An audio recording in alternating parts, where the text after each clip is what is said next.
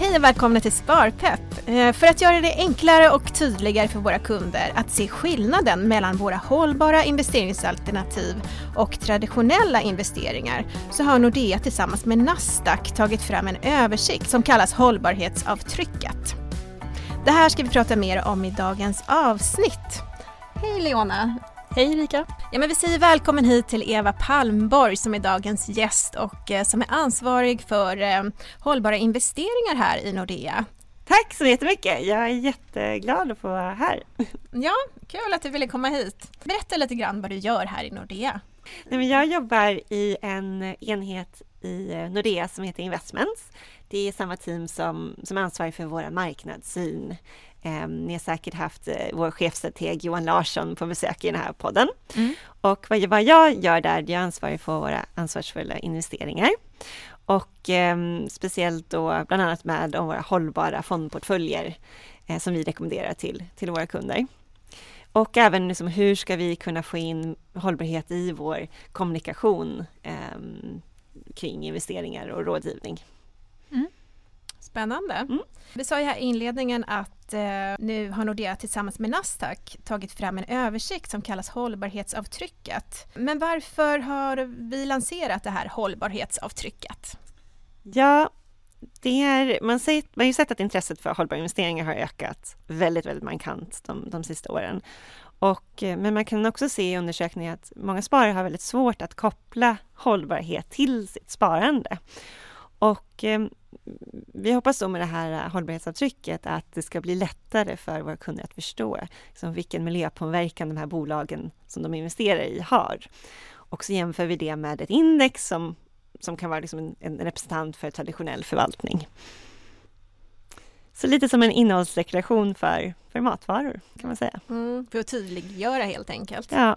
Men för vilka produkter eh, gäller det här hållbarhetsavtrycket? Så just nu så tar vi, lyfter vi fram det hållbarhetsavtrycket för våra eh, fonder som vi lyfter fram i rådgivningen. Och eh, det är våra hållbara blandfonder och även våra hållbara fondportföljer som jag nämnde tidigare. Och eh, men självklart så om vi ser att det här uppskattas av våra kunder så kommer vi säkert lägga till fler fonder framöver. Men man brukar ju också prata om sociala och affärsetiska aspekter när man pratar om hållbara fonder. Mm. Hur kommer det sig att vi valt att bara fokusera på eh, miljöaspekterna? Ja, men det är två, eh, två skäl. Eh, Det första är att klimatförändringen är absolut den mest eh, akuta hållbarhetsfrågan som vi står inför just nu. Och när det gäller just miljö så är det koldioxidutsläpp, det är fossila reserver, det är vattenförbrukning och avfallshantering eh, som är några av de absolut viktigaste aspekterna. Och eh, det är de här som vi visar också i vårt hållbarhetsavtryck. Sen kan man säga att de här faktorerna har också en bra data. För det är faktorer som bolagen rapporterar till. Så det blir inte så mycket subjektivitet som, som vissa andra faktorer kan, kan vara i. Ehm, men jag vill ändå belysa att eh, självklart så tar vi in sociala de sociala affärsetiksfrågorna när vi gör hållbarhetsanalys i de här hållbara fonderna. Så det, de är minst lika viktiga men, men inte belysta just i det här avtrycket. Mm. Kan du inte berätta lite mer om eh, de här miljöaspekterna och eh, klimatförändringen? Absolut. Klimatförändringen är ju en av de absolut största globala utmaningarna vi står inför. Och det finns ganska mycket forskning som visar att eh, om vi inte ser till att den globala uppvärmningen når under två grader och helst under en och en halv grad jämfört med då tidigt 1900-tal så kommer vi se stora konsekvenser som extrem hetta och att havsnivåerna stiger. Och eh, man kan säga att det är precis de här målen eh, att vi ska hålla oss under de här två grader och en och en halv grad som 800, 800, nej 800, 187 länder eh, står bakom i det berömda Parisavtalet som, som de flesta av oss har hört talas om. Men för att uppnå de målen så måste vi halvera vårt koldioxidavtryck för 2030. Och det vill säga det är om tio år. Mm. Så det behöver ske i en väldigt rask takt för att vi ska kunna klara av detta. Eh, Så forskningen visar att redan vid två grader så kommer ungefär 37 procent av befolkningen leva i områden med extrem hetta. Och samtidigt så kommer vi se att du vet att vi har sett prognoser att befolkningsmängden ökar och att vi 2050 så kommer vi ha 2,2 miljarder fler människor. Så då kan vi säga att det finns vissa områden vi inte kommer bo i. Vi kommer vara mer människor som lever på mindre yta till mindre resurser och såklart så kommer det här öka våra utmaningar ännu mer. Ehm, jag läste också en rapport från IPCC. Det är ett fint namn och betyder Intergovernmental Panel on Climate Change. Och där visar de att om vi fortsätter i den här takten så kommer vi vara uppe vid en och en halv grad eh, redan 2040. Eh, mm. Så det här ligger inte så långt fram för oss som vi ibland kan känna. Nej. Men vad är det egentligen som påverkar den globala uppvärmningen mest?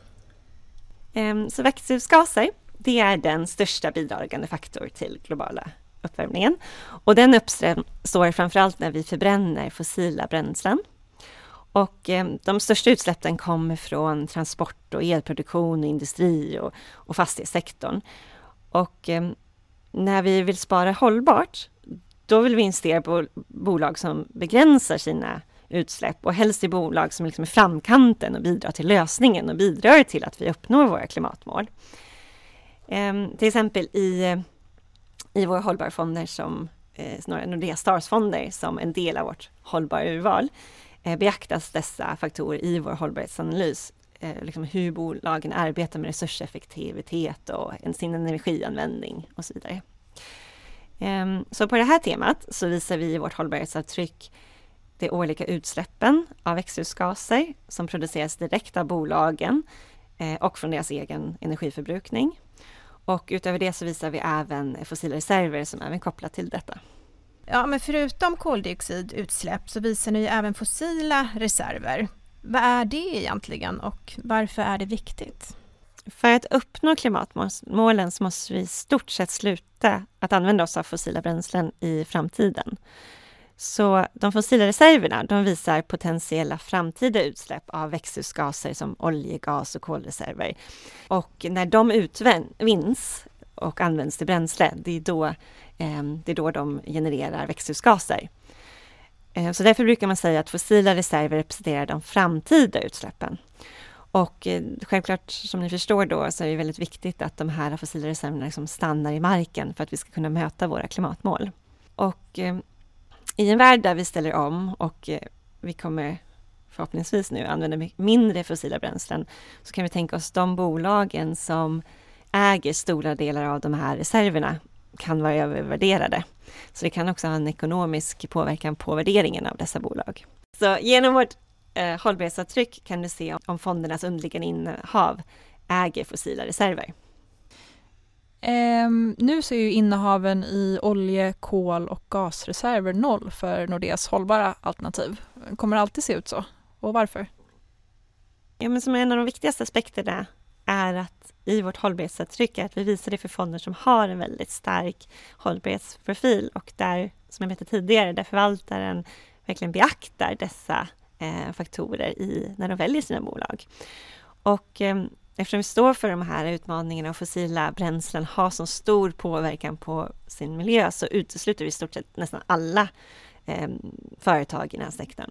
Men om det mot förmodan skulle finnas ett sådant eh, företag i, i våra fonder i, i framtiden så skulle det vara väldigt, väldigt bra skäl och väldigt noggrann analys att mm. de här bolagen håller på att ställa om sin affärsmodell mot målen i Parisavtalet.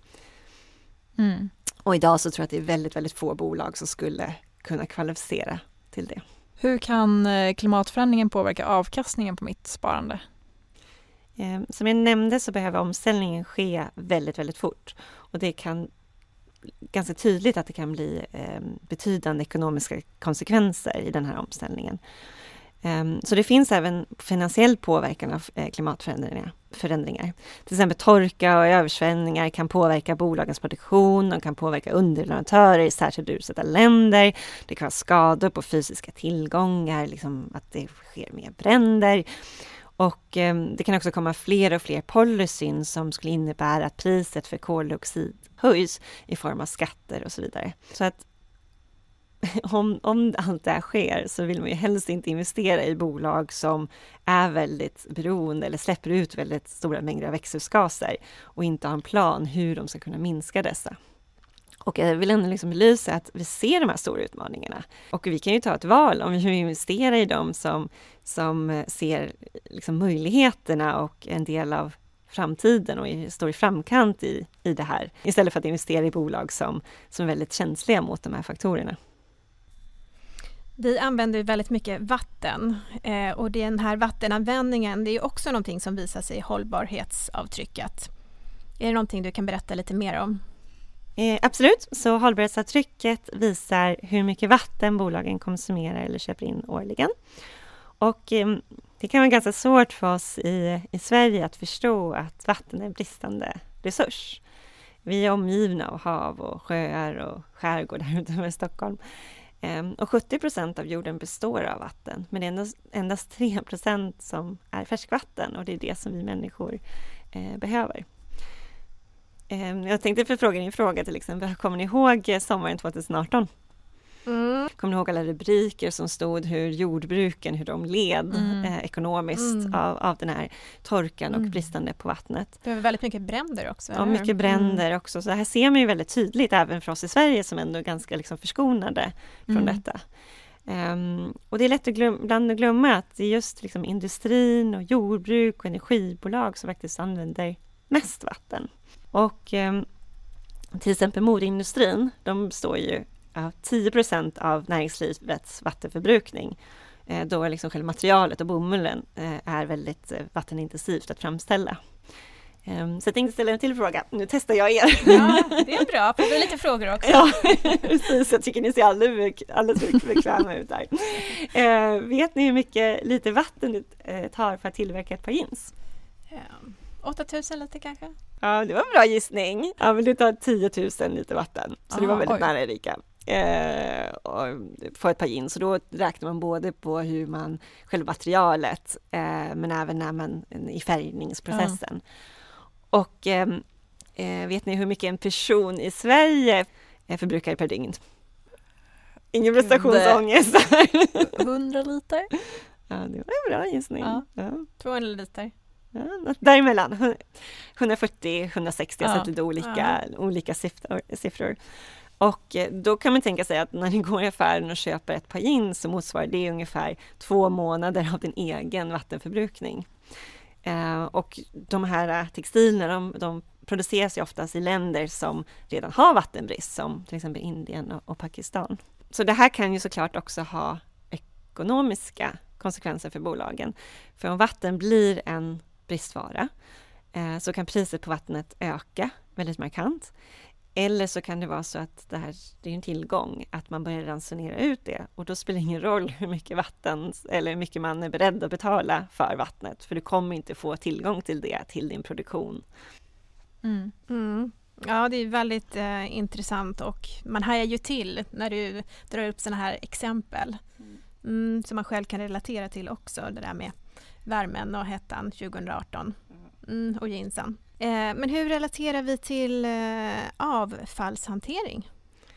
Um, så i hållbarhetsavtrycket visar vi hur mycket avfall eh, bolagen i de underliga fonderna genererar årligen som bränns eller skickas till soptippen. Så det är inte det som vi återanvänder eller går till återbruket. Och det är ganska lätt att relatera till, för man tänker på när man står där i köket och man knyter ihop sin lilla soppåse och så går vi ner till soptunnan och slänger dessa. Ehm, men när vi tittar på statistik, och nu refererar jag till statistik om Europa, så står hushållen för endast 9% av den årliga, av allt avfall som, som, eh, som sker per år. Och resten kommer från näringslivet som byggverksamhet, utvinning av material och tillverkning med mera. Så hur bolagen hanterar att minska sitt avfall är väldigt viktigt och då tänker jag också för våra hav. Eh, idag hamnar stora, enorma mängder av plast i haven och fortsätter vi i det takt så kommer vi vid 2050 ha mer plast i haven än fisk. Ja, det är, mm, det är skrämmande. Mm. Så när man gör hållbarhetsanalys så det är en ganska viktig faktor att titta på.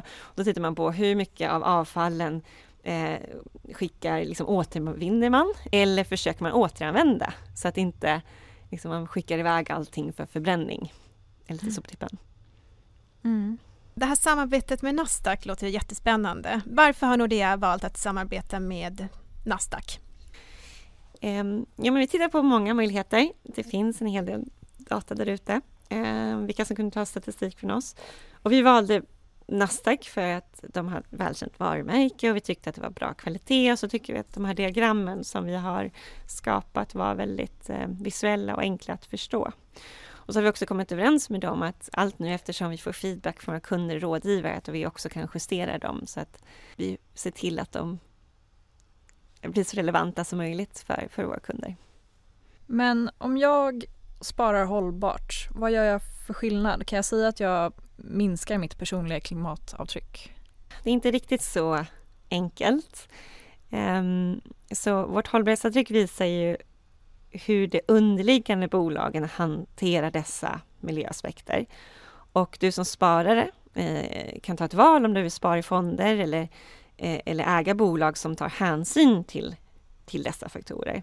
Och det fler sparare vi blir som väljer att finansiera bolag som presterar- presterar väl utifrån hållbarhetsperspektiven, desto dyrare blir finansieringen för bolag som inte tar hänsyn till detta. Och det kan sätta press på bolagen eh, att ställa om sina affärsmodeller. Eh, så allting handlar ju om efterfrågan. Ju, ju fler konsumenter som har ekologiskt i mataffären, eh, desto fler alternativ dyker upp. Och eh, dessutom som aktiv ägare som, som Nordea är så kan vi också engagera oss och ha en dialog med bolagen eh, för att se ytterligare förbättringar. Och det låter lite klyschigt men det är verkligen så här tillsammans så kan vi göra skillnad. Men hur gör man då om jag vill investera i Nordeas hållbara fonder? Var hittar jag dem? Men det finns flera alternativ. Ni kan boka ett möte med råd, ett rådgivningsmöte och där kan också er rådgivare gå igenom de här äh, hållbarhetsavtrycken mer. Jag tror säkert det skulle vara väldigt intressanta diskussioner. Eh, ni kan också gå in på Nordea Fonder som har en väldigt bra hemsida där ni kan sortera efter vilka fonder som ingår i det här hållbart urval. Sen har vi också något som heter Fondväljaren som kan hjälpa er att sätta ihop en hållbar fondportfölj och även vår digitala rådgivare Nora som kan rekommendera vilken av våra hållbara blandfonder som skulle passa er bäst givet vilken tid, eh, investeringshorisont ni har och så vidare. Ja, men då tackar vi dig Eva för att du gästade oss idag. Och glöm inte bort att prenumerera på podden och ge gärna en recension på iTunes eller Podcaster. Och ni kan också höra av er till oss på sparpepp.nordea.se om ni vill eh, tipsa om någon intressant gäst eller tema. Precis, och eh, vi hörs ju om två veckor igen och eh, då ska vi snacka om hur du kommer igång med aktier och hur du kan sätta ihop en portfölj. Så det blir intressant. Mm. Mm. Men tills dess säger vi ha det fint. Hej då! Hej då! Hej då!